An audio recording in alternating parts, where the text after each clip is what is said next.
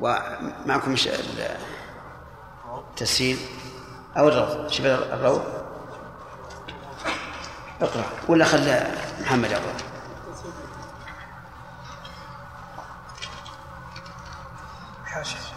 الروض. ولباقي الورثة أن يصطلحوا على ما زاد عن حق المفقود فيقتسمونه على حسب ما يتفقون عليه لأنه لا يخرج عنه. كأخ مفقود في الأكدرية. حاشش نعم. كأخ مفقود في الأكدرية فمسألة الحياة والموت من أربعة وخمسين للزوج. من أربعة وخمسين. للزوج ثمانية عشر وللأم تسعة وللجد تسعة من مسألة الحياة. وللأخت منها ثلاثة. وللمفقود ستة يبقى تسعة فلهم الصلح عليها. وعلى كل الموقوف إن حجب إن حجب أحدا ولم يرث. أو كان أخا لأب عصب أخته مع زوج وأخت لأبوين وإن بان ميتا ولم يتحقق أنه قبل موت, قبل موت مورثه فالموقوف لورثة الميت الأول. للشك في حياة المفقود. للشك في حياة المفقود حين موت مورثه فلا يرث منه. واتفقوا على أنه لا يرث المفقود إلا الأحياء من ورثته. إلا الأحياء. هذه مسألة أن اللي ذكر لو أننا كتبناها على السبورة لبقينا يومين لم نتصورها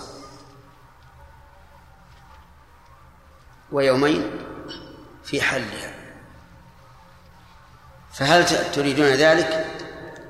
أو نقول ما دام المسألة نادرة الوقوع والوقت ضيق نمشي ولعلنا ندرك متنا صغيرا أيضا. نعم؟ الثاني طيب. ثم قال باب ميراث الغرقى. الغرقى يعني الذين غرقوا جميعا ولم نعلم السابق السابق منه. هل لهم نظير الغرقى؟ نعم. لو سقط الطائرة ولم نعلم الميت الأول. لو انقلب السيارة لم نعلم الميت الأول. لو شب حريق لم نعلم الميت الأول. المهم المراد بالغرقى هنا جماعة هلكوا جميعا ولم نعلم عن حاله. الأول هل ماتوا لحظة واحدة أو تقدم أحدهم ما ندري. يقول رحمه الله إذا مات متوارثان كإخوة لأب نعم كأخوين لأب متوارثين. إذا مات متوارثان كأخوين لأب. بهدم أو غرق أو غربة أو نار. الهدم واضح والغرق واضح والنار واضح. المثال واضح بها. طيب الغربة سافر جميعا وأتانا خبر أنهما ماتا. ولم ندري أيهما الأول. فحكمهم حكم من ماتوا بغرق أو نار ولم يعلم الأول منهم. وجهل السابق بالموت ولم يختلفوا فيه. يعني الورثة ورثة كل واحد لم يختلفوا يقول ورث كل واحد من الآخر من تلاد ماله دون ما ورثه منه دفعا للدولة. أولا نصور المسألة. هؤلاء جماعة ركبوا سفينة. ثم ماتوا كلهم. غرقت السفينة وماتوا ولا ولا ندري أيهم الأول. فهل يجري التوارث بينهم أو لا؟ المذهب أنه يجري التوارث بينهم. إذا لم يختلف الورثة القول الثاني أنه لا توارث بينهما. بينهم لا توارث بينهم. كل واحد منهم لا يرث الآخر. وإنما يرثه الورثة الآخرون. ليش؟ لأن من شرط الإرث أن يوجد المور الوارث بعد موت المورث. لقوله تعالى ولكم نصف ما ترك أزواجه. ولأبويه لكل واحد منهم السدس ما ترك. فلا بد أن نعلم أن الوارث وجد بعد موت المورث. وهنا الشرط موجود ولا غير موجود؟ غير موجود إذا لا توارث. وهذا القول مع كونه أصح وأوفق للأدلة الشرعية هو أيضا أهون وأقطع للنزاع. ما في نزاع. الأول سيكون في نزاع إذا كان أحدهم أحد الذين غرقوا جميعا أحدهم يملك ملايين الملايين والثاني يملك ثوبه الذي عليه فقط. يقول نورث هذا من هذا وهذا من هذا. الغني هل يرث من من الفقير؟ ليش؟ ما ما في شيء. والفقير يرث من الغني. فيعود مال هذا الغني لورثة الفقير. بأي حق؟ فالقول الراجح بلا شك أنه لا توارث بينهم ودليله قوله تعالى يوصيكم الله في أولادكم للذكر مثل الأنثيين إلى إلى آخره. ولقوله ولكم نصف ما ترك أزواجكم وهذا لا يعلم. ولهذا سبق لنا من في شروط الإرث العلم إيش؟ بموت المورث قبل الوارث والعلم بحياة الوارث بعد موت المورث. لكن المذهب يقول إن تنازع الورثة. في المثال الذي ذكرنا أخوان أحدهما آه، له آه، مليون ريال والثاني ما عنده شيء. كل واحد منهم له زوجة. كل واحد له زوجة وله أم. ثم تنازعوا. هؤلاء ورثة الغني يقولون إن مورثكم مات قبل مورثنا. وأولئك يقولون بالعكس. فهنا يتساقطون. وهذه بعد فيها شيء. فيها شيء من من الصحة. يتساقطون ولا ويكون ميراث كل ميت لورثته وأما إذا لم يختلفوا قال والله ما نعلم. نحن لا ندعي أن مورثنا هو الأول ولا هو الثاني. فحينئذ يرث كل واحد منهما من الآخر من تلاف ماله يعني من قديمه لا مما ورثه منه لأن لو قلنا يرث مما ورثه مما ورثه منه ها؟ صار دور صار هذا يرث مما ورث منه ثم ذاك يرث مما ورث منه وهكذا حلقة مفرغة. مثال مثال هذا أحدهما خلف آه، مليون ريال والثاني خلف مئة ألف إذا ورث إذا ورث صاحب مئة الألف من صاحب المليون كم يبي يرث؟ كم يبي؟ خمسمائة ألف وذاك إذا ورث من, من الآخر يرث خمسين ألف هل نضم خمسين الألف للمليون ونقول يرث هذا آه، خمسمائة ألف وخمسين ألف. لا يمكن لأن لو قلنا هكذا لازم أن ندور فنقول يرث صاحب مائة ألف خمسمائة ألف من صاحبه وصاحب المليون يرث خمسين ألف من صاحبه. وتنتهي المسألة. ومع هذا نحن نقول ونرجح أن الصواب أنه لا توارث بينهما وأنه لا حق لأحدهما في مال الآخر لأن الشرط وهو وجود الوارث بعد موت المورث لم يتحقق. وهذا الذي اخترناه هو مذهب الشافعي رحمه الله وهو اختيار شيخ الإسلام ابن تيمية وهو الصواب بلا شك. ثم قال باب ميراث أهل الملل. نسأل الله أن يتوفانا وإياكم على الإيمان. أهل الملل يعني الأديان. ولا يمكن أن نبحث في ميراث أهل الملل حتى يوجد السبب سبب الميراث. وأسباب الميراث كم؟ ثلاثة نكاح ونسب وولاء. فإذا وجد اثنين آه، فإذا وجد اثنان بينهما توارث وهما على دين واحد جرى التوارث إن اختلفت أديانهما فلا. لأن من شرط الإرث اتفاق الدين.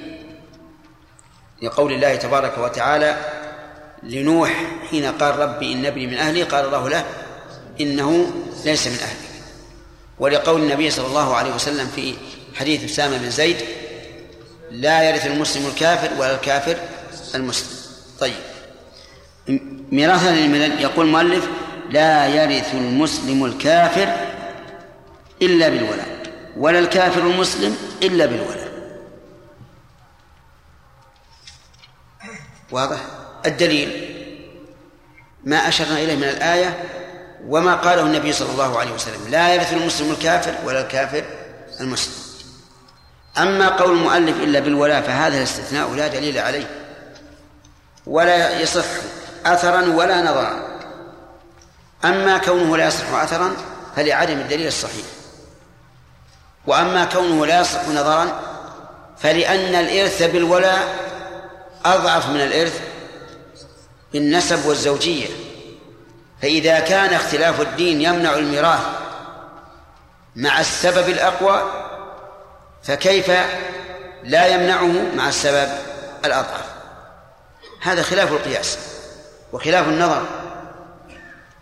ولنضرب لهذا مثلا هلك هالك عن أب كافر.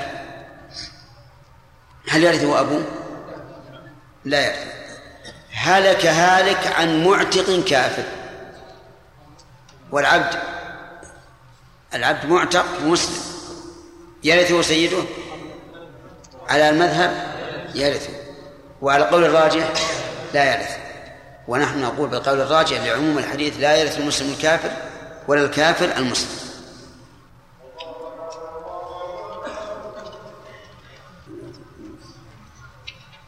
نعم قلنا في المفقود اذا جاء في المده فله إيش؟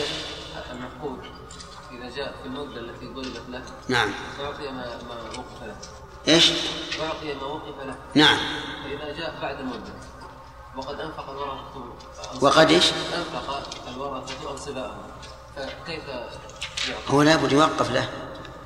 بعد المدة. إيه؟ بعد المدة قسمت نعم. كيف؟ قسمت التركه بعد مده وحكم بالموت نعم. ثم تبين أنه حي وجاء. طيب. فكيف يرد؟ إليه ماله فان انفق ما الحال حينئذ؟ يرجع عليه. يبقى دين في في ذمه سم. ها مسألة الغرقى إيش؟ مسألة الغرقى نعم. زواج أحد الورثه بين يعمل بها اي معلوم مسألة الغرقى لو أتى أحد ببينة أن أن مورثه بقي بعد موت زملائه يعمل بها لابد عفوا لو امرأة شهدت أنه آه، واحد سبق إيش؟ لو, لو أن يعني وجد شاهد يعرف يعرف أن واحد من اثنين يعني سبق آه، مو- مو- موت من أخيه. هل آه، يؤمن بقوله أو لا؟ يعمل بقوله إذا إذا حلف الوارث. لأنه يقضى بالشاهد واليمين في مسائل المال. وإذا كانت امرأة ما يكفي. ما يكفي. لو حلفت؟ نعم. ولو حلفت. يرث المسلم الكافر إلا بالولاء ولا الكافر المسلم إلا بالولاء. ويتوارث الحربي والذمي والمستأمن وأهل وأهل الذمة يرث بعضهم بعضا مع اتفاق أديانهم لا مع اختلافها وهم ملل شتى والمرتد لا يرث أحدا. وإن مات على ردته فماله فيه ويرث المجوس بقرابتين إن أسلموا وتحاكموا أو أو تحاكم.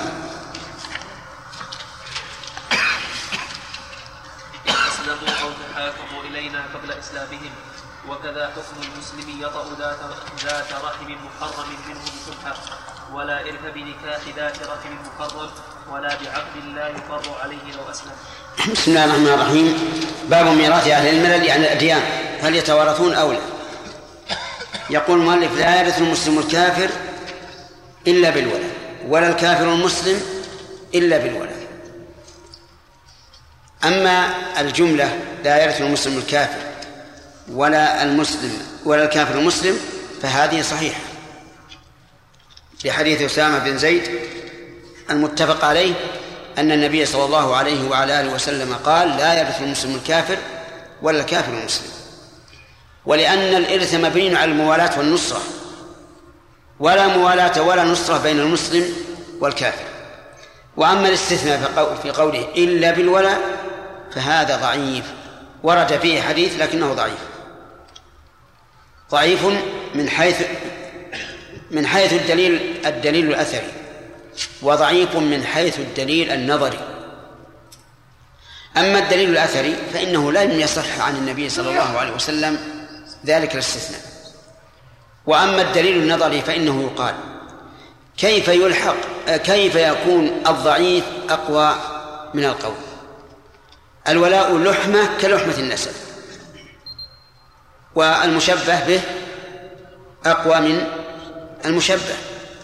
فكيف نقول إنه يرث بالولاء مع اختلاف الدين مع أن الإرث بالولاء أضعف من الإرث بالنسب؟ فتبين بطلان هذا القول أثرا ونظرا. آه، طيب لو لو هلك هالك عن ابن لا يصلي وعن عم مسلم يصلي. فميراثه لمن؟ للعم. والابن الذي لا يصلي لا يرث وكذلك لو كان هناك آه، رجل لا يصلي ومات عن عن أقارب مسلمين فإنهم لا يرثونه. لأنه لا يرث المسلم الكافر. وسيأتي إن شاء الله في هذا. قال ويتوارث الحربي والذمي والمستأمن. هؤلاء ثلاثة أصناف من الكفار. الحربي هو الذي ليس بيننا وبينه ليس بيننا وبينه عهد ولا ذمة ولا أمان.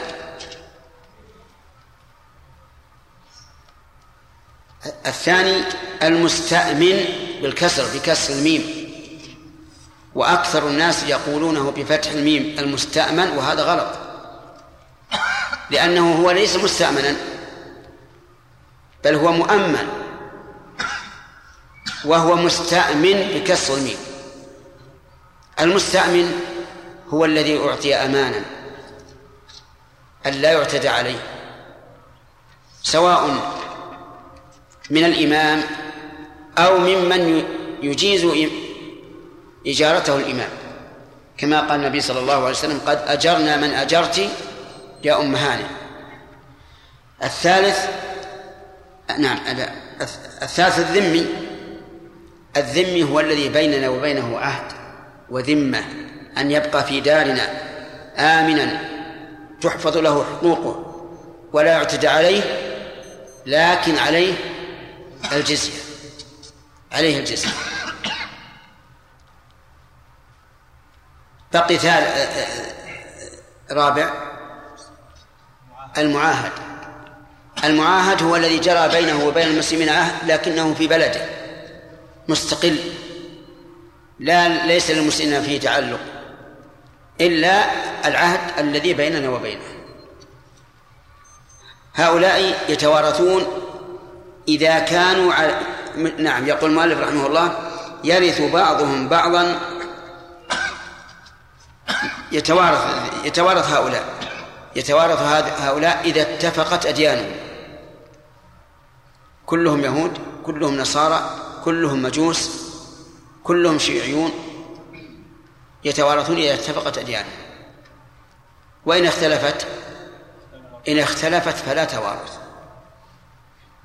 والدليل قوله صلى الله عليه وسلم لا يرث المسلم الكافر ولا الكافر المسلم فإن هذا يدل على أن اختلاف الدين مانع من من الإرث.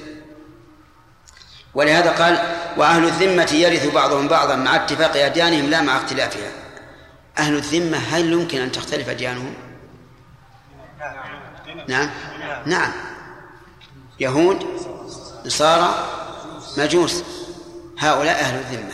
ثلاثة أصناف. والصحيح أن أن أكثر من ثلاثة أصناف. أن جميع الكفار يمكن أن يكونوا أهل ذمة.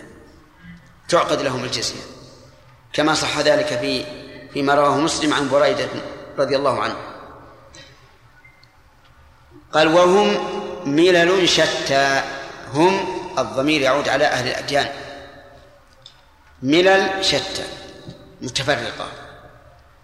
اليهود ملة والنصارى ملة والمجوس ملة والشيوع ملة والبوذيين ملة وهكذا. وهذا هو القول الراجح. وقال بعض العلماء إن الكفر ملة واحدة. إن الكفر ملة واحدة. لكن هذا قول ضعيف. لأن اليهود يقولون ليست النصارى على شيء. والنصارى يقولون ليست اليهود على شيء. فكيف يكونون أمة واحدة؟ نعم هم بالنسبة للإسلام صنف.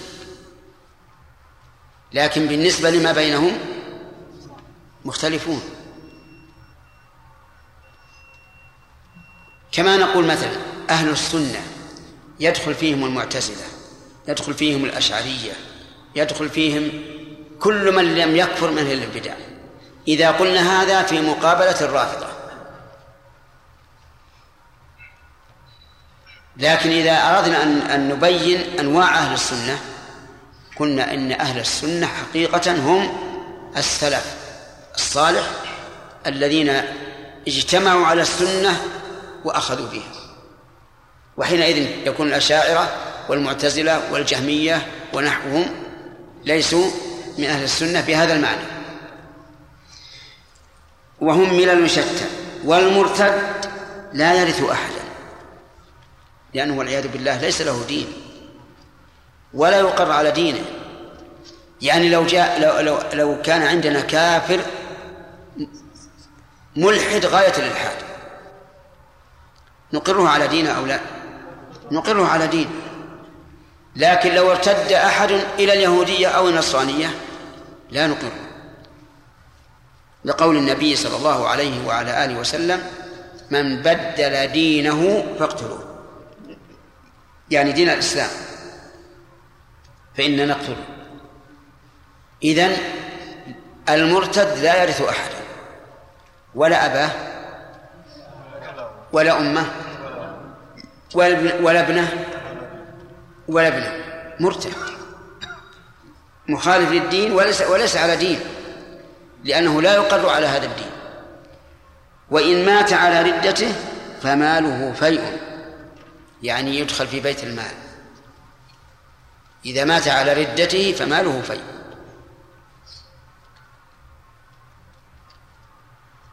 وهنا نعلم أن العلماء رحمهم الله يحكمون على الشخص بعينه بالردة أو غيرها مما يقتضيه فعله.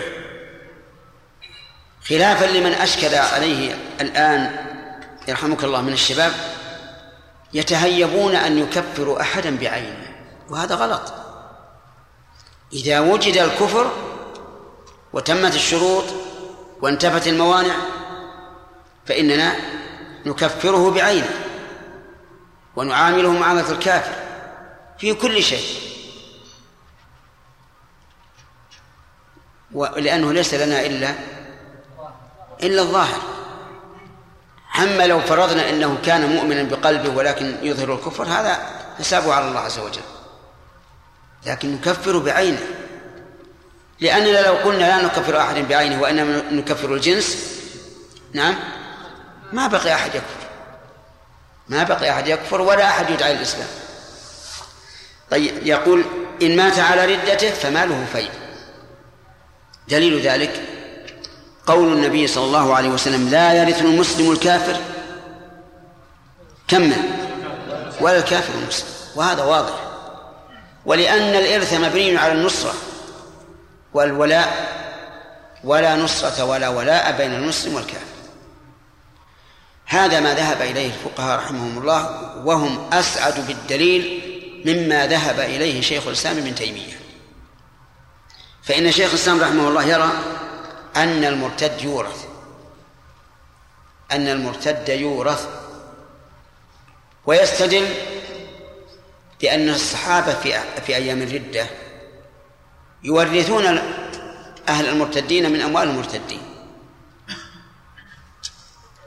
ولكن الإنسان يقول ما جوابي يوم القيامة؟ حين يناديهم فيقول ماذا أجبتم المرسلين؟ ماذا أجبتم المرسلين؟ ماذا نقول؟ لا يرث المسلم الكافر ولا الكافر المسلم. وفعل الصحابة هل أجمعوا عليه؟ لو أجمعوا عليه قلنا على العين والرأس وإجماعهم حجة. لكن من يقول إنهم أجمعوا على هذا؟ والمسألة ليست عندي بذكاء المسألة بينة. إذا نبقى على الأصل. وهو لا لا يرث المسلم الكافر ولا الكافر المسلم. وإن مات فماله في طيب الفيء يعني بيت المال. يكون في بيت المال. يكون في المصالح العامة. بناء المساجد بناء المدارس إعطاء الفقراء. المهم ما يصرف ما يصرف فيه بيت المال يصرف مال المرتد. قال ويرث المجوس بقرابتين إن أسلموا أو تحاكموا إلينا قبل إسلامهم. المجوس من مذهبهم الخبيث أنه يجوز للإنسان أن ينكح محارمه والعياذ بالله. ينكح بنته أخته عمته أمه. وهذا من أخبث المذاهب وأقبحها. فإذا كان أحدهم يدلي بقرابتين فإنه إيش؟ يرث بهما. لأنهم يعتقدون حل فعلهم. فإذا أسلموا فإنهم يورثون بالقرابتين. كما ذكرنا في الجدات أن الجدة التي تدلي بجهتين ترث ثلثي السدس. قال أو تحاكموا إلينا قبل إسلامهم. يعني إذا تحاكموا إلينا قبل إسلامهم فإننا نورثهم على حسب القرابتين. فإن لم يسلموا ولم يتحاكموا فأمرهم إلى إلى أنفسهم. ما ما علينا منهم طيب. وكذا حكم المسلم يطأ ذات رحم محرم منه بشبهة. يعني لو أن المسلم وطئ ذات محرم منه. بشبهة والشبهة إما شبهة عقد وإما شبهة اعتقاد. فمن وطئ امرأة يظنها زوجته فبانت إخته أو بن أو بنته. فهذا محمد. ها؟ هذا شبهة اعتقاد. ومن عقد على امرأة على أنها أجنبية منه وبعد العقد والدخول تبين أنها محرم له. تبين أخته من الرضاعة مثلا. هذا شبهة إيش؟ شبهة عقد. لأنه عقد عقدا يظنه صحيحا وذاك جامع جماعا يظنه صحيحا. إذا إذا أتت بولد إذا أتت بولد صار هذا الولد يرث بجهتين. صار يرث بجهتين. فيورث بالجهتين. لماذا؟ لوجود السببين. والشيء إذا وجد سببه وجب العمل به. وقيل يرث بأقوى الجهتين ميراثا واحدا بهذه الجهة لأنه لا يمكن أن يجتمع في شخص واحد جهتان متقابلتان. وإذا كان لا يمكن فإنه يؤخذ بإيش؟ بالأقوى ويرث بجهة واحدة. قال ولا إرث بنكاح ذات رحم محرم ولا بعقد لا يقر عليه لو أسلم. يعني لا لا لا لا إرث بنكاح ذات رحم محرم. مثاله إنسان تزوج امرأة. ثم مات عنها وبعد الموت تبين أنها أخته من الرضاعة فهل ترث؟ الجواب لا ترث. لأنه تبين النكاح باطل. فلا ترث. حتى لو بقت معه عدة سنين ثم تبين بعد موته أنها أخته مثلا فإنها لا ترث. ولا بعقد لا يقر عليه لو أسلم. يعني ولا إرث بعقد لا يقر عليه لو أسلم. مثاله أن يتزوج المجوسي أخته. ثم يموت عنها. هذا العقد إذا أسلم يقر عليها أو لا؟ لا يقر عليه. بخلاف ما لو كان عقد عقدا محرما لكن زال سبب التحريم فإنه يقر عليه. كما لو تزوج أخت زوجته والأخت معه. فالنكاح لا يصح لأنه لا يجمع بين الأختين. لكنه حين أسلم قد قد فارق الأولى. فالنكاح يصح لأنه زال المال. وكذلك لو نكح امرأة في عدتها فالنكاح باطل. ولكن لو أسلم بعد أن انقضت العدة فإنه يقر عليه. خلاصة هذا الباب أنه متى حصل اختلاف الدين بين الوارث والمورث فلا فلا توارث. دليله قول النبي صلى الله عليه وسلم لا يرث المسلم الكافر ولا الكافر المسلم. وهذا دليل أثري والدليل النظري أن الإرث مبناه على النصرة والولاية والولاية وهذا لا ولا نصرة بين كافر ومسلم ولا ولاية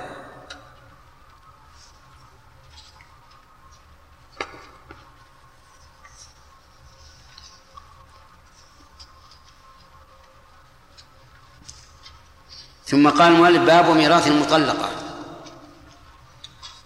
باب ميراث المطلقة. يعني هل ترث المطلقة أو لا؟ لأنه سبق لنا أن من أسباب الإرث إيش؟ النكاح. فإذا زال النكاح هل يكون هذا مانعا من الإرث؟ آه نعم. هل يبقى المانع من الإرث؟ أو لا. يعني إذا كان له زوجة وطلقها فهذا لا يخلو من أحوال يذكرها المؤلف. يقول من أبان زوجته في صحته أو مرضه غير المخوف ومات به أو المخوف ولم يمت به لم يتوارثا. إذا أبان زوجته أي طلقها طلاقا بائنا. كالطلاق الثلاث والفسخ بعيب وما أشبه ذلك. في في صحته فإنه لا لا توارث. ولو كان في العدة. لا توارث ولو كان في العدة. لأنها بانت منه. إن مات لم ترث وإن ماتت لم يرثها أو في مرضه غير المخوف. المرض نوعان. مرض مخوف وهو الذي لو مات به لم يقل الناس شيئا. لأنه صار عادة أن يموت به الناس. وليس المخوف وغير المخوف هنا الذي لا يرجى بره أو يرجى لا.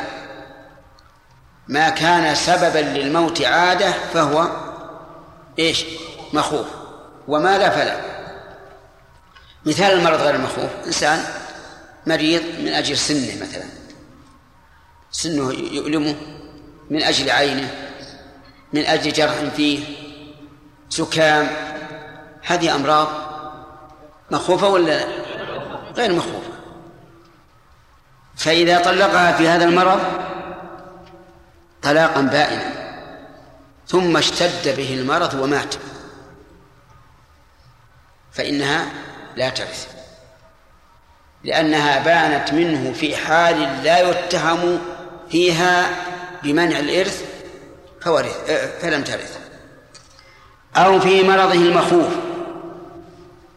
مرضه المخوف يعني الذي لو مات به لم يستنكره الناس. مثل الحمى الشديدة ذات الجنب. وفي عرفنا في عصرنا هذا انتشر جاء السرطان. في الأول كان السل المهم الأمراض التي لو مات بها قال الناس نعم هذا سبب. ولهذا قال العلماء رحمهم الله المرأة التي يأخذها الطلق مرضها مخوف مع أنه ما ما يكثر فيه الموت. لكن لو ماتت بالطلق قال الناس ليس, ليس هذا بغريب. أو المخوف ولم يموت به لم يتوارث. طيب لو أن إنسانا مريض مرضا مخوفا بذات الجنب فطلق زوجته. خاف أن يموت به فطلقها لئلا ترث. ثم عافاه الله. هل وانتهت عدتها ثم مات بعد ذلك. هل ترث أو لا؟ لا ترث. لأنه برئ من من المرض. وهذه المسألة تحتاج إلى تحرير. لأن كونه طلق في مرض موت مخوف واضح أنه أراد الحرمان.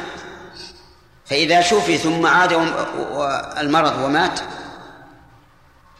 ففي حرمانها نظر لأن التهمة قائمة. بل في طلاق رجعي لم تنقض عدته. بل في طلاق رجعي لم تنقض عدته. ما هو الطلاق الرجعي؟ الطلاق الرجعي هو الذي يملك الزوج فيه مراجعة الزوجة بدون عقد. الطلقة الأولى على غير عوض بعد الدخول. نعم.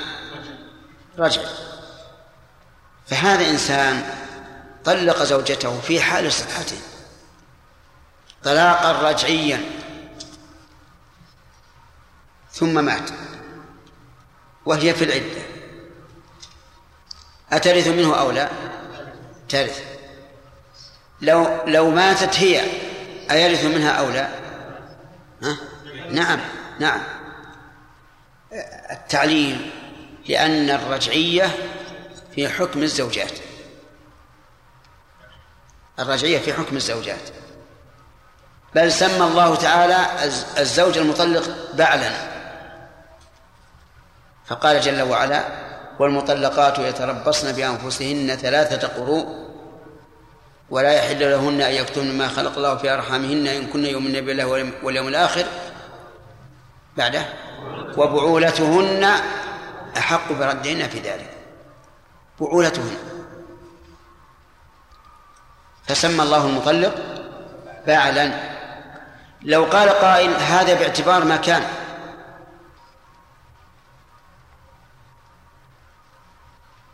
فما الجواب؟ نقول الأصل حمل اللفظ على ظاهره. ولا يمكن أن نقول باعتبار ما كان أو باعتبار ما يكون إلا بدليل.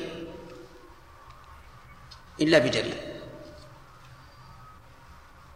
قال الله تعالى وآتوا اليتامى أموالهم. كذا الآية ها؟ ولا إيش؟ نعم. آتوا اليتامى أموالهم. لا يمكن نأتيه نؤتيه ماله إلا إذا بلغ. إلا إذا بلغ. وسماهم الله أيتاما. باعتبار؟ باعتبار ما كان. لكن هذا عندنا في دليل. وفي سورة يوسف قال أحد صاحبي السجن قال إني أراني أعصر خمرا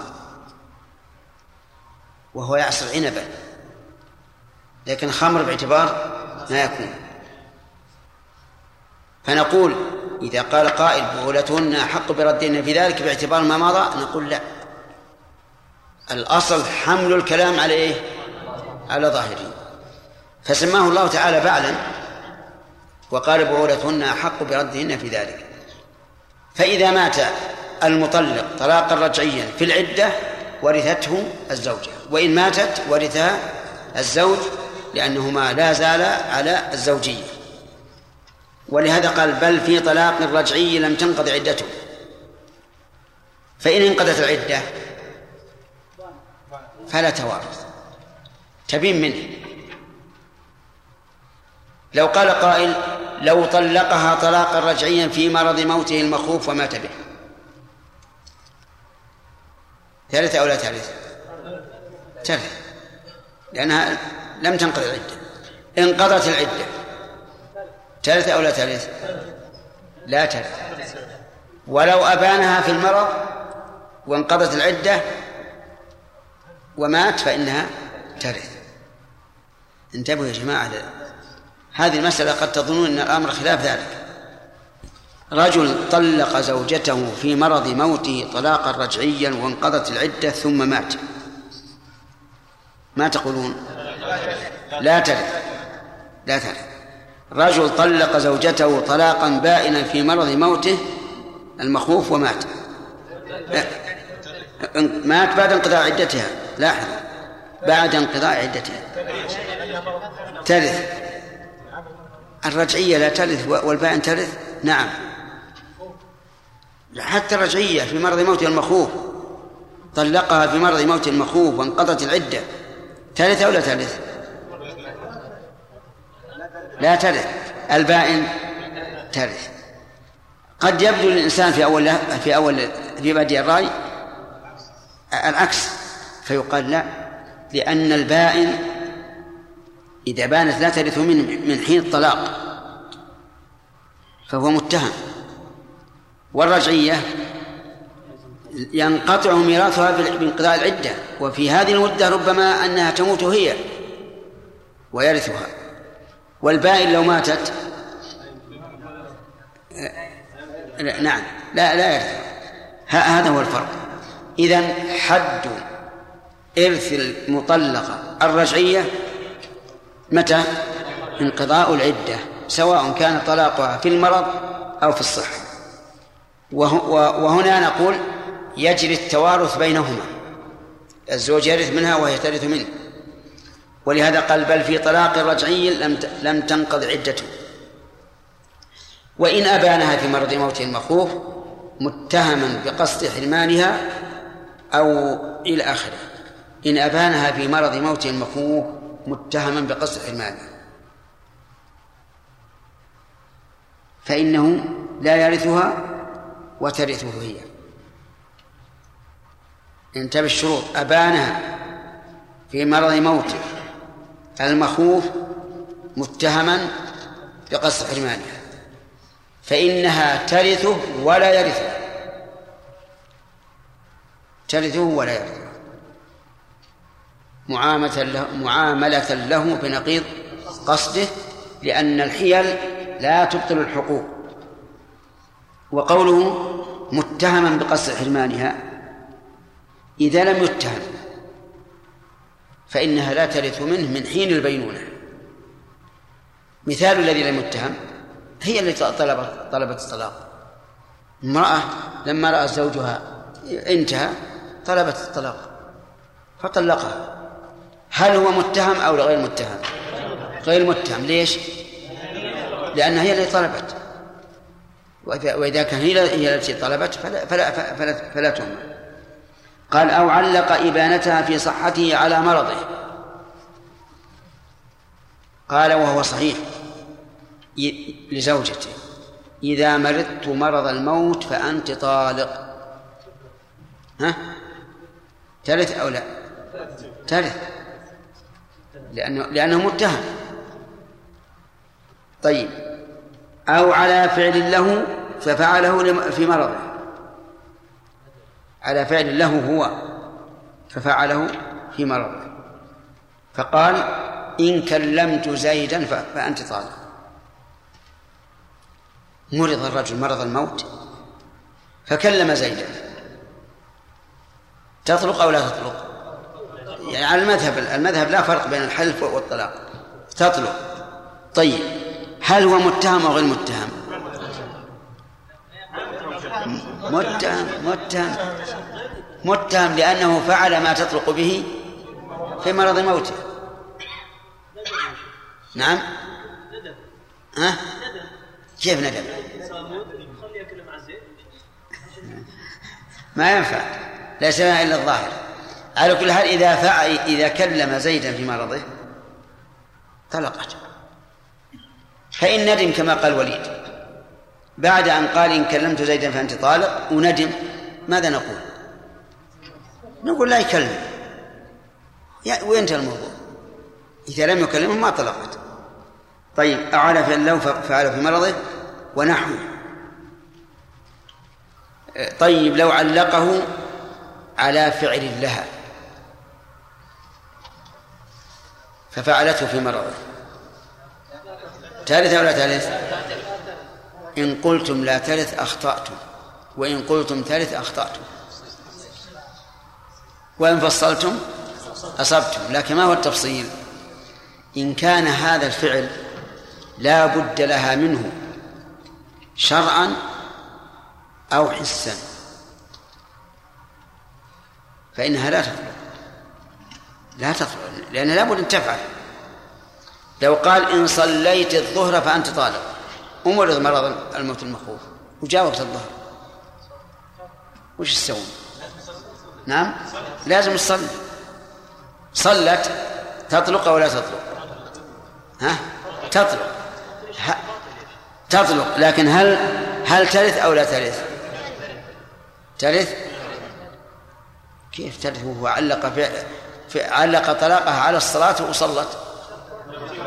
نقول هذا لا بد له لا بد لها منه شرعا بغير اختياره في الوقت قال لها إن أك إن أكلت غداء أو عشاء أو فطورا فأنت طالب ومرض مرض الموت المخوف وش تسوي؟ تاكل؟ لو أكلت تطلق؟ هل ترث أو ما ترث؟ ترث ليش؟ لأنه لا بد لها من ذلك. لكن لو قال إن أكلت الرز فأنت طالب. فلما مرض أكلت الرز. هذه تطلق ولا ترث لماذا؟ لأن لها بد منه لأن لها بدا منه. إذ يمكن تأكل بدل الرز خبزا خبز بر. نعم أو تمرا أو ما أشبه ذلك. قال وترث هي في العدة وبعدها ما لم تتزوج أو ترتد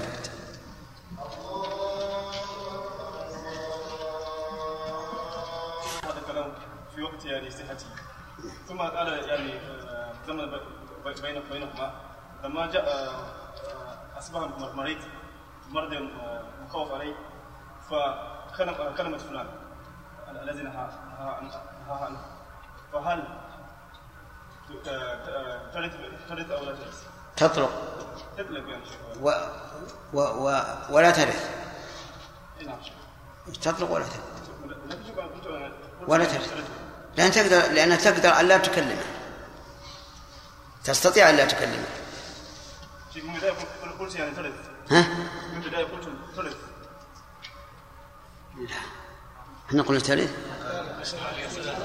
ها؟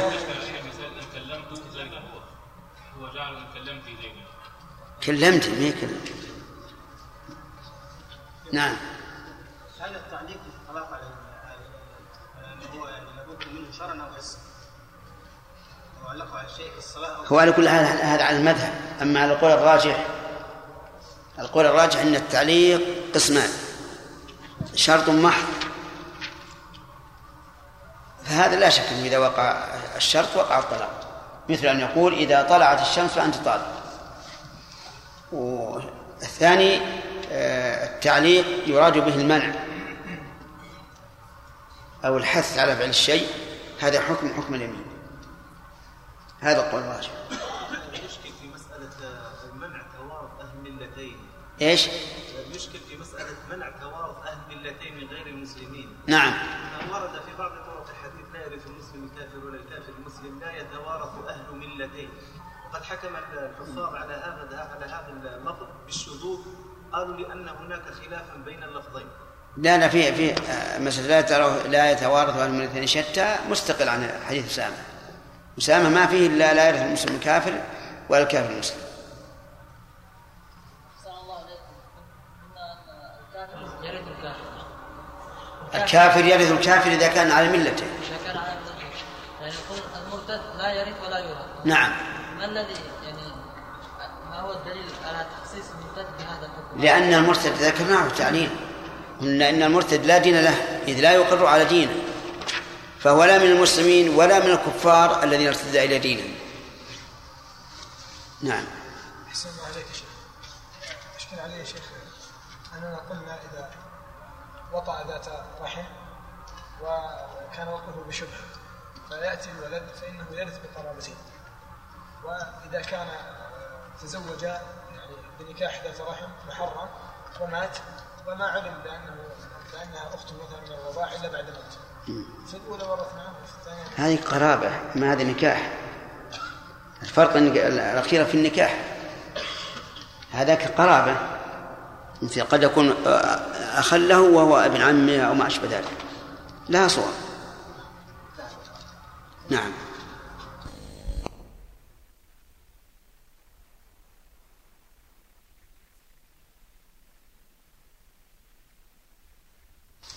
العلي العظيم. استغفر الله وأتوب إليه. سمع عبد الله بسم الله. بسم الله الرحمن الرحيم. الحمد لله رب العالمين وصلى الله وسلم على نبينا محمد وعلى آله وصحبه أجمعين. ميراث المطلقة. قال رحمه الله تعالى وترثه في العدة وبعدها ما لم تتزوج أو ترتد. باب الإقرار بمشارك في الميراث. إذا أقر كل الورثة ولو أنه واحد بوارث للميت وصدق. صدق. نعم. إذا أقر. إذا أقر كل الورثة ولو أنه واحد بوارث للميت وصدق. صدق. صدق يعني المقر له. وصدق أو كان صغيرا أو مجنونا أو مجنونا أو أو المقر به. والمقر به. بالواو. نعم. أو مجنونا والمقر به مجهول النسب ثبت نسبه وإرثه. وإن أقر أحد بنيه بأخ مثله فله ثلث ما بيده. وإن أقر بأخت فلها خمسه بسم الله الرحمن الرحيم. سبق لنا ميراث المطلقة. وقلنا إذا كان الطلاق بائنا فلا فلا توارث بينهما لأنها تبين من زوجها بمجرد الطلاق سواء مات هو أو ماتت هي. وإذا كان رجعيا فعلى العكس يعني يقع التوارث من يرث الزوج يرثها وترثه. وبينا العلة في ذلك وأن المطلقة رجعية زوجة بنص القرآن في قوله تعالى وبعولتهن أحق بردهن في ذلك. وأن البائن بمرض موته المخوف إذا أبانها في في مرض موته المخوف فإن كان متهما بقصد حرمانها الحكم ترث منه ولكنه لا يرث منها لو ماتت لأنه متهم. وإن لم يكن متهما فإنه لا إرث. لأنها بائن. هذا هو خلاصة ما سبق لنا في ميراث المطلقة. يقول مالك رحمه, رحمه الله قال وترثه في العدة وبعدها. من هي؟ المطلقة في مرض موته المخوف متهما بقصد حرمانها. ترثه في العدة. يا رجل إما أن تنتبه ولا قم عن المقدمة. البائن في العدة وبعد العدة. لأنه متهم. وكل من حاول إبطال حق مسلم فإنه يعامل بنقيض قصده يقول ترثه في العدة وهو لا يرثه ولا يرثها وبعد العدة أيضا. لأنه لا أثر للعدة هنا إذ أن العدة عدة باعن لا لا تؤثر. ما لم تتزوج أو ترتد. ما لم تتزوج لأنها إذا تزوجت لا يمكن أن ترث زوجين. إذ لو قلنا بأنها ترث بعد الزواج لكان معناه أنها ترث من الزوج الأول وإيش؟ ومن الزوج الثاني. وهذا لا نظير له في الشرع. فإذا تزوجت انتهى. ثم إنها إذا تزوجت فإنها بتزوجها أسقطت العلاقة أو قطعت العلاقة بينها إيش؟ وبين الزوج الأول نهائيا. أو ترتد كذلك. إن ارتدت والعياذ بالله فإنها لا ترث. لأنها أتت بمانع من موانع الإرث باختيارها. فلا ترث. وأظنكم إن شاء الله فهمتم التفصيل. نعم. ومن فهم التفصيل نال التحصيل. نعم. ثم قال المؤلف باب الإقرار بمشارك في الميراث. إذا ثبت نسب الإنسان من شخص فإنه وارث يرث. ويورث. لكن إذا لم يثبت وكان مجهول النسب وأقر الورثة بأن هذا أخوهم فإذا أقر الورثة كلهم ولو كان واحدا فإنه يثبت النسب ويثبت الإرث. أما الإرث فلأن الوارث أقر على نفسه ومن أقر على نفسه فإنه يؤاخذ بما أقر به. مثال ذلك رجل قال إن هذا أخي بعد أن مات أبوه قال هذا أخي. الآن أقر أن نصف ميراث أبيه لمن؟ لهذا الشخص. يؤخذ بإقرار ما في إشكال. لا عذر لمن أقر. لكن كيف يثبت النسب؟ لأنه إذا قلنا بثبوت النسب صار هذا المقر به صار أخا له وعما لأولاده وهلم جر كيف يثبت النسب؟ الجواب هو أن هذا المقر به مجهول النسب. أليس كذلك؟ طيب. والشارع له تشوف عظيم للحوق النسب. لا يريد من أبنائه أن يضيعوا. لا يدرى لمن هم. فلما كان تطلع الشارع وتشوف الشارع للحوق النسب قلنا لما أقر به هذا ثبت نسب. واضح؟ إذن ما هي العلة في كونه يلحق به في الميراث أن هذا الوارث أقر على نفسه بحق لغيره فيقبل. وبكونه يلحق النسب هو حرص الشارع وتشوفه للحوق النسب لأن هذا ليس له أحد ليس له نسب. طيب ولو أقر بمعلوم النسب فإقراره غير صحيح. إقراره غير صحيح. طيب ولهذا لا بد من شروط. يقول إذا أقر كل الورثة ولو أنه واحد وقوله ولو أنه واحد إشارة إشارة منه إلى أن المسألة ليست مبنية على الشهادة. لو كانت على الشهادة لكان لا بد من من شاهدين لكنها ليست مبنية على هذا. وبوارث للميت وصدق الفاعل هو المقر به. قال نعم أنا أخوك. فإن أنكر لم يثبت نسبه ولا إرثه. أما عدم ثبوت إرثه فواضح لأن الرجل يقول أنا ما لي حق في هذه التركة. فقد أقر على نفسه. وأما عدم ثبوت نسبه فلأنه لا يمكن أن يثبت النسب بدعوى شخص مع إنكار المدعى عليه. إذا لا بد من تصديق إيش؟ المقر به قال أو كان صغيرا أو مجنونا. يعني الصغير والمجنون لا عبرة بتصديقه أو تكذيبه لأنه لا حكم لأقوالهما.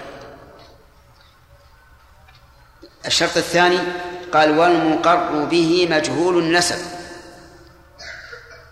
يشترط أن يكون المقر به مجهول النسب. لا يعلم أنه فلان بن فلان. فإن كان معلوم النسب فلا يقبل إقراره به. لأنه لأن إقراره به يستلزم إبطال نسب معروف. ولو فتح الباب لكان كل واحد يرى شخصا أديبا لبيبا عالما. يقول هذا إيش؟ هذا ولدي. وهذا ما يمكن هذا. فإذا كان معلوم النسب فلا دعوة لأحد في في نسبه هذه شرطان. الشرط الثالث إمكان صدق الدعوة. إمكان صدق الدعوة. وذلك بأن يمكن أن يكون ممن يلحق به. فلو أن شخصا ادعى أن هذا ولده وهو والولد هذا مجهول النسب. لكن الأب له عشرون سنة والولد هذا له خمسة عشرة سنة فاهمين؟ فاهم؟ يقبل ولا لا يقبل؟ ليش يا أخوان؟ نعم لا يمكن يكون الفرق بين هذا الرجل وأبيه خمس سنوات لا يمكن إذا لابد من إمكان صدق المقر فإن لم يمكن فقوله لاغي فالشروط إذن يا وليد. كم؟ ثلاثة. الأول. الثاني. تصديق. الثالث. إمكان صحة الإقرار به, طيب. وإن أقر أحد ابنيه بأخ مثله فله ثلث ما بيده وإن أقرت وإن أقر بأخت فلها خمس. أقر أحد ابنيه. كم الابنان؟ كم الابنان؟ اثنان. بأخ مثله. يعني أنه يرث. فله ثلث ما بيده. بيد من؟ المقر. وهذا إذا أنكر الآخر.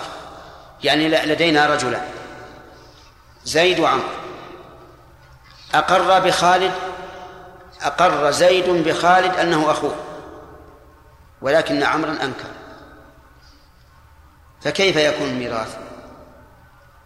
يكون الميراث نقول يجب عليك أن تعطي هذا الذي أقررت به إيش؟ ثلث ما بيدك. لأنك الآن تقر بأن الورثة ثلاثة. أنت أحدهم فيجب أن تعطي هذا الرجل ثلث ما بيدك. كم يبي يأخذ هذا المقر؟ لا كم يأخذ أصلا بدون الإقرار به؟ يبي يأخذ النصف. نقول ثلث ما بيدك اعطه الرجال الذي أقررت به. كم هو؟ سدس الكل. طيب. إن أقر ببنت فله فلها خمس. نعم. وإن أقر بأخت نعم. إن أقر بأخت وهي بنت أبيه فلها خمس. لأنه أقر الآن أنه هو زيد وعمر وفاطمة. اقسم التركة عليهم من خمسة. لزيد خمسان ولعمر خمسان وللأخت خمس. نقول الآن خمس ما بيدك أعطها إياه لأنك قررت. لكن لو ثبت نسب هذا المقر به بشاهدين ماذا يكون؟ يثبت يثبت الميراث من الأصل. نظير هذا نظير هذا مسألة تقع كثيرا يكون أحد الورثة قد قال الميت إنه أوصى بثلثه في عمارة المساجد. أحد الورثة يقول هكذا. أوصى بثلثه أي ميت في عمارة المساجد ثم يموت. والورثة لم يصدقوا هذا القائل. ما صدقوه قالوا أبدا. أبونا لو كان مو لو كان عنده وصية لكتبه. ولا نقبل كلامه. هل يلزمه أن يخرج ثلث ما بيده؟ نعم يلزمه. لأنه أقر الآن أن ثلث مال أبيه قد نفذه أبوه. فيلزمه أن يصرف ثلث ما بيده على حسب ما كان يقوله عن أبيه. واضح يا جماعة؟ طيب. ثم قال المؤلف باب ميراث القاتل والمبعض والولاء. ميراث القاتل والمبعض القاتل معروف هو الذي أزهق الروح. أزهق روح إنسان بسبب أو مباشرة هو قاتل. المبعض يعني الذي بعضه حر وبعضه رقيق. كذا هذا المبعض. الولاء يعني ما هو الولاء وما وكيفية وما كيفية الإرث به.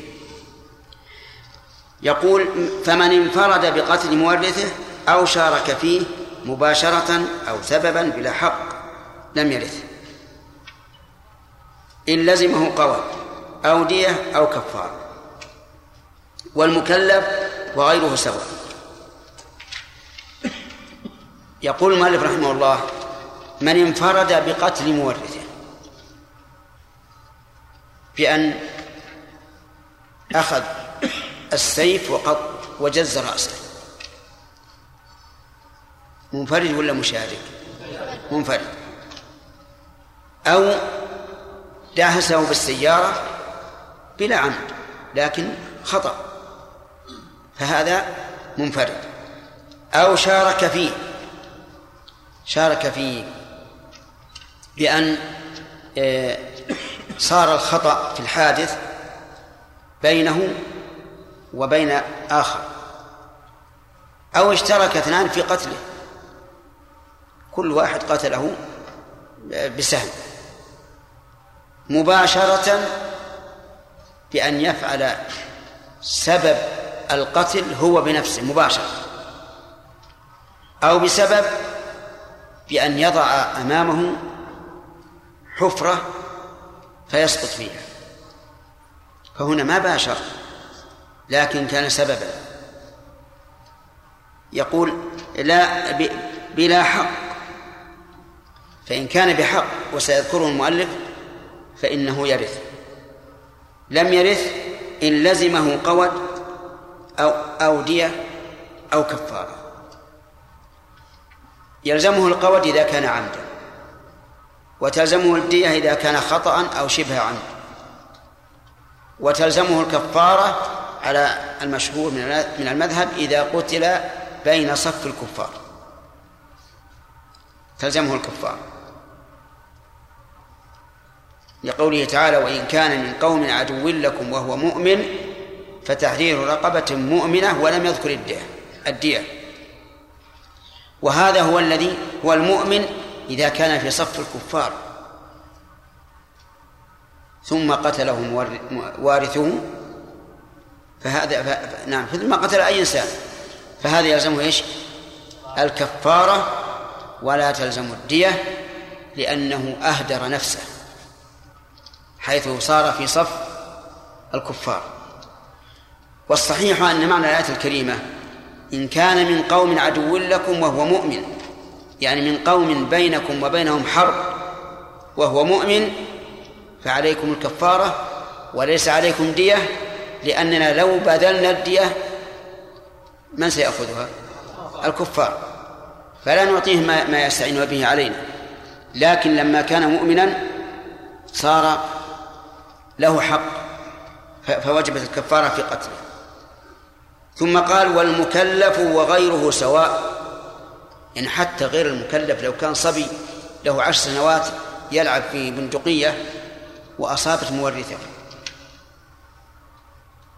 فإنه لا يرث. لأن هذه حقوق مالية تتعلق بالعباد فلا فرق فيها بين المكلف وغير المكلف. وظاهر كلام المؤلف أنه لا يرث القاتل ولو كان خطأ مئة بالمئة. واستدل هؤلاء بأن بحديث لكنه لا يصح. ليس للقاتل من الميراث شيء.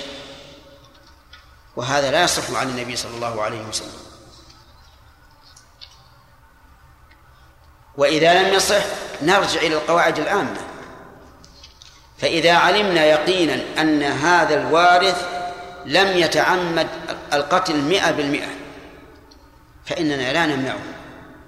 وبأي طريقة نمنعه؟ قد يستحق الميراث فكيف نحرمه منه؟ وهذا يقع كثيرا. ونضرب لكم مثلا يتبين به ضعف هذا القول أنه لا يرث ولو كان خطأ مئة بالمئة. رجل له ولدان وهو ذو أموال كثيرة. أما الأكبر منهما فكان عاقا لأبيه ولا يعرفه.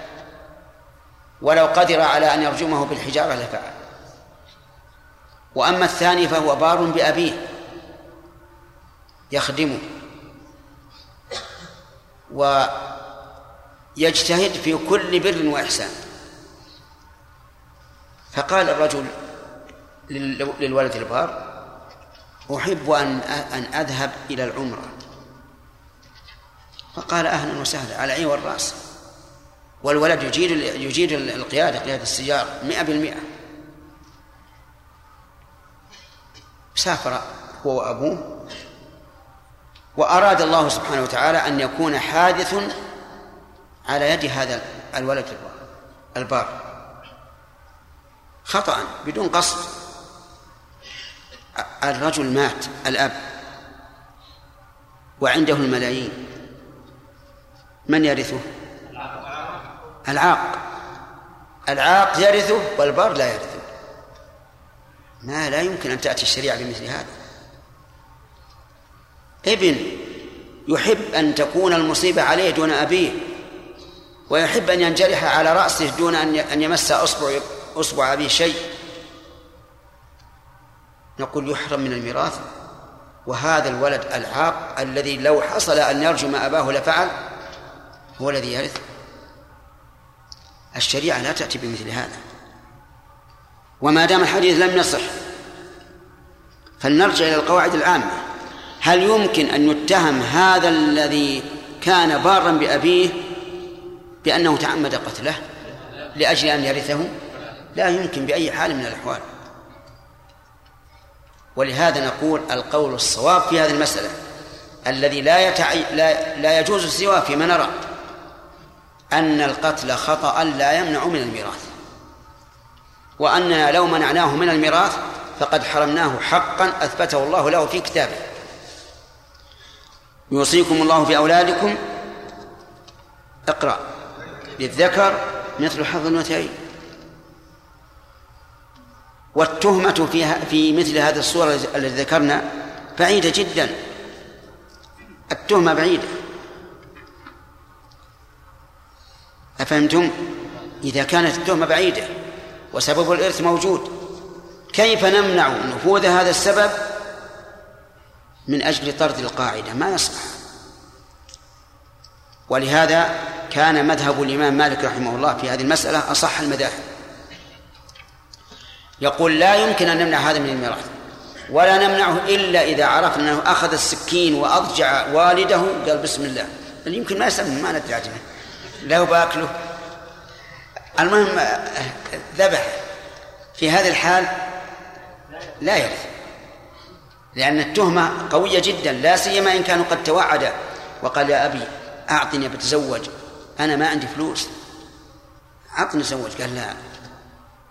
حك ظهرك بظفرك ولا ما يمكن نعطيك قال بيني وبينك الأيام سأرث سأرثك غصبا عليك. ثم جاء يوم من الأيام وأضجعه وفي السكين.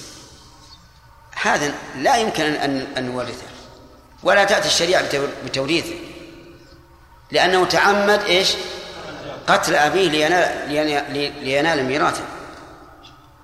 وما أحسن ما قعده ابن رجب رحمه الله قال من تعجل شيئا قبل أوانه على وجه محرم عوقب بحرمانه.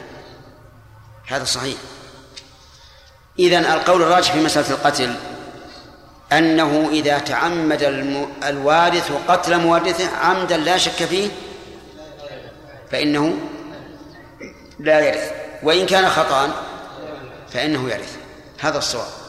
ولكن هل يرث من الدية التي سيبذلها؟ لا.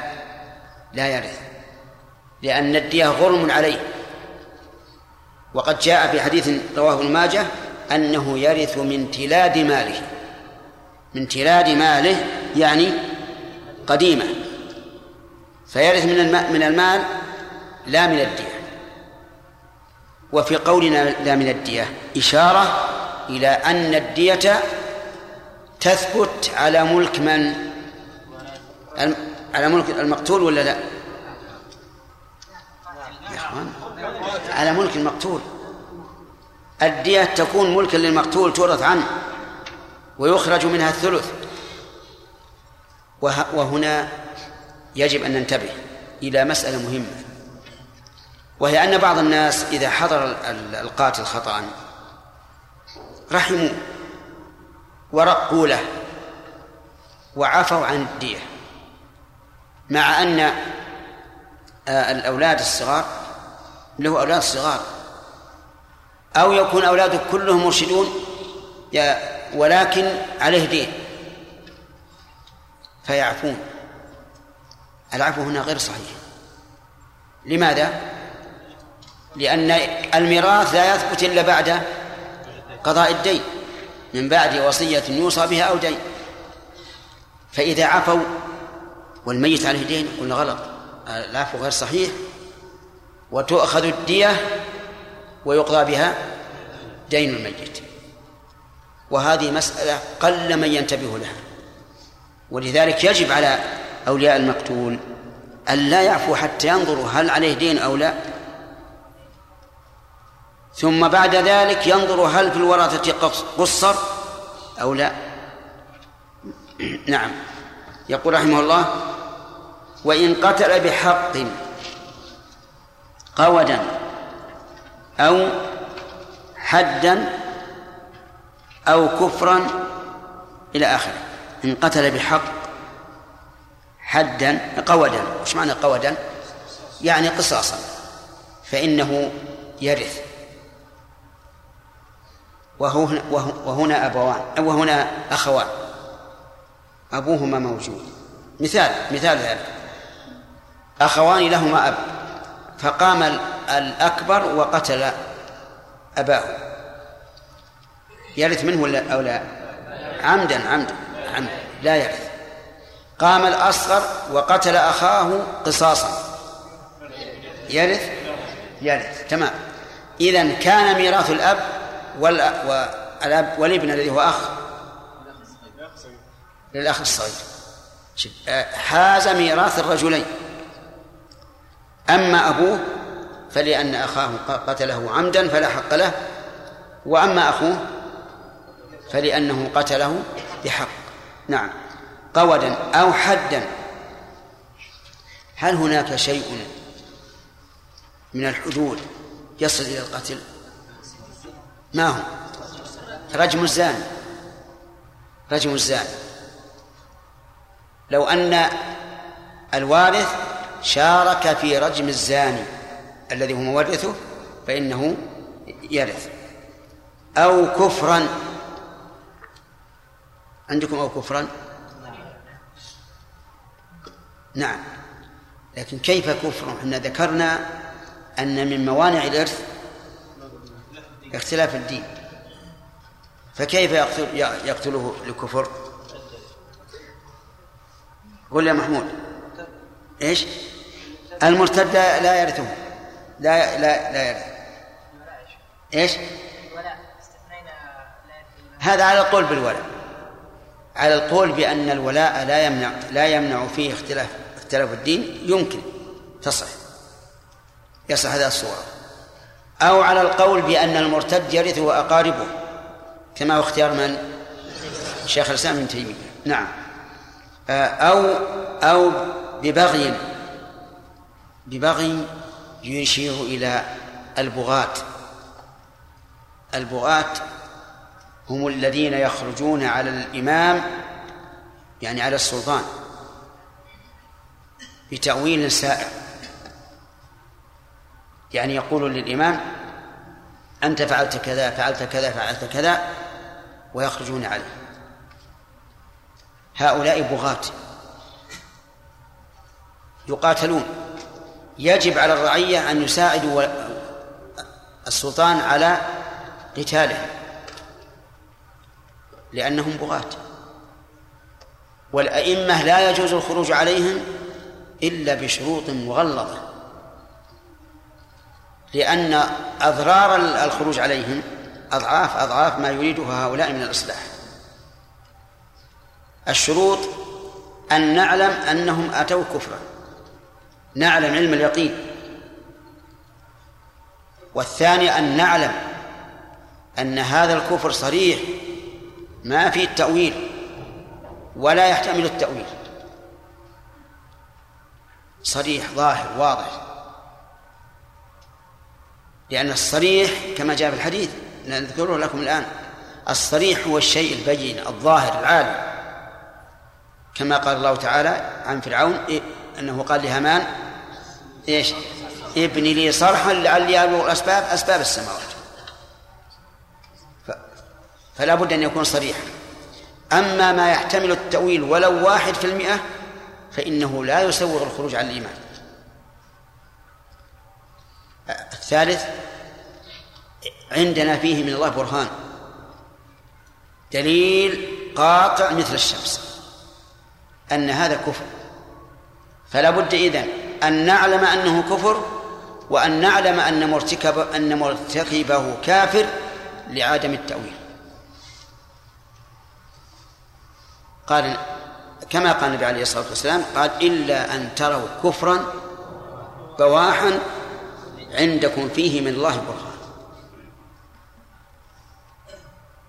ثم إنه مرة قال لا لا تنابذوهم ما صلوا ما داموا يصلون. بقي شرط رابع ولا خامس؟ نعم. لا يلزمنا أن نخرج عليه إلا بشرط القدرة على إزالته. أما إذا علمنا أننا لا نزيله إلا بقتال تراق فيه الدماء وتستباح فيه الحرمات فلا يجوز أن أن نتكلم. لا يجوز أبدا. ولكننا نسأل الله أن يهديها أو يزيله. لأننا إذا لو فعلنا ونحن ليس عندنا قدرة. هل يمكن أن يتزحزح هذا الوالي الكافر عما هو عليه؟ لا. بل لا يزداد إلا تمسكا بما هو عليه وما أكثر الذين يناصرونه. إذن يكون سعينا بالخروج عليه. إيش؟ مفسدة عظيمة. مفسدة عظيمة. لا يزول بها الباطل بل يقوى بها الباطل. ويكون الإثم علينا.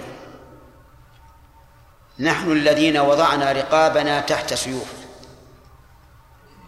لأن هو هو ليس بنا قدرة. ولا أحد أحكم من الله ولم يفرض القتال على النبي صلى الله عليه وسلم وأصحابه إلا حين كان لهم دولة مستقلة.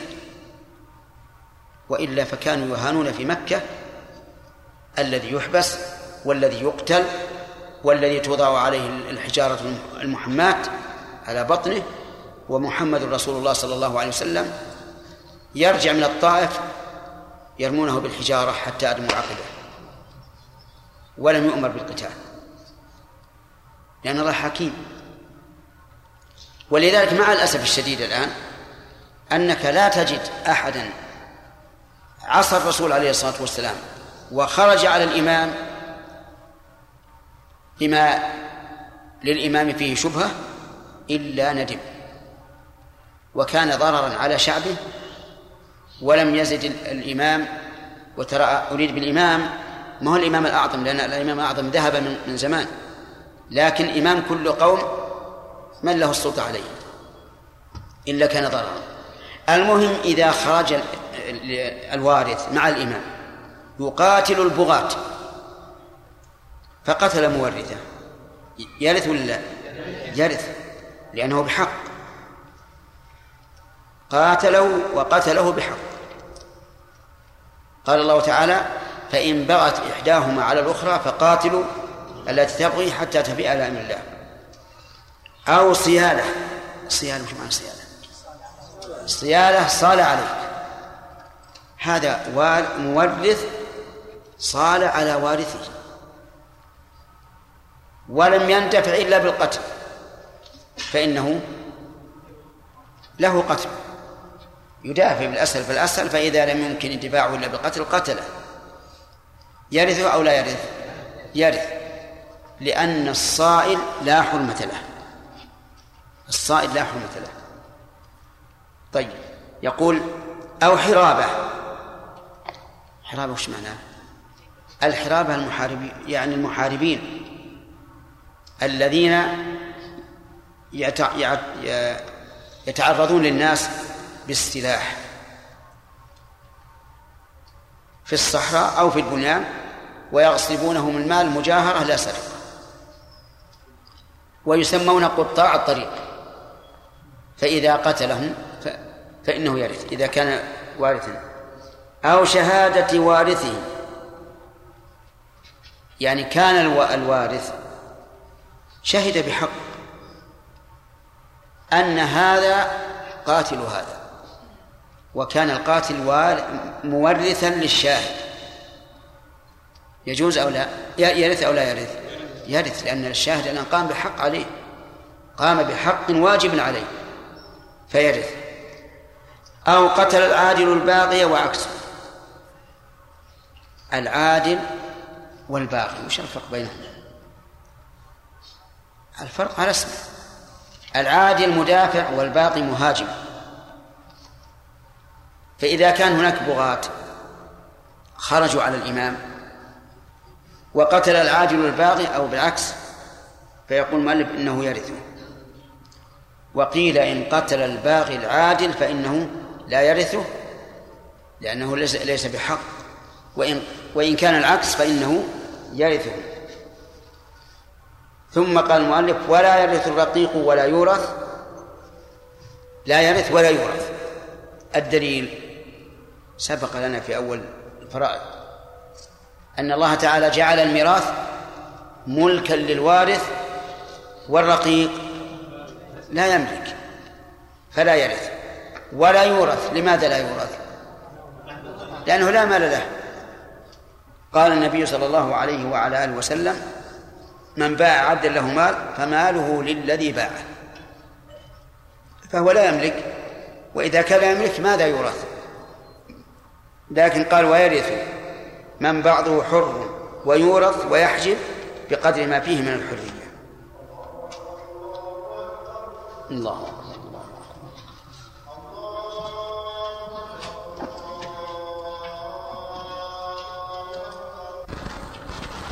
يقول هل الطلاق يقع من الصغير إذا طلق زوجته؟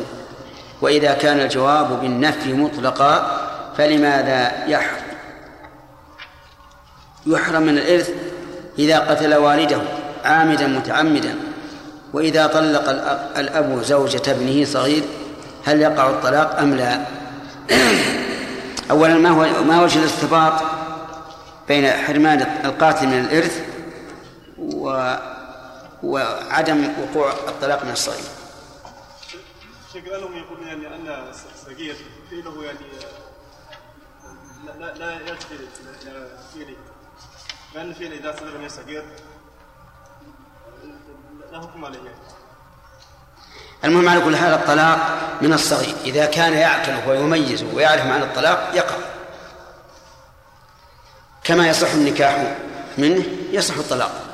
لقوله تعالى إذا نكحتم المؤمنات ثم طلقتموهن فجعل الطلاق للناكح. وأما كون آه، آه، آه، كون أبيه إذا طلق زوجته يقع الطلاق لا.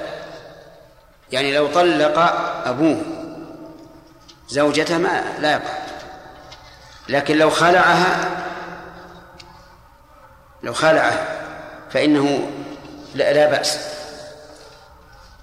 لأن هذا على عوض كأنه كأنها اشترت نفسه منه ها؟ صلى الله وسلم على نبينا محمد وعلى اله وصحبه قال المؤلف نهض من السجود يا جناح هنا أول ما يقوم. نعم. قال رحمه الله تعالى في باب ميراث الخات والموعظ والولاء.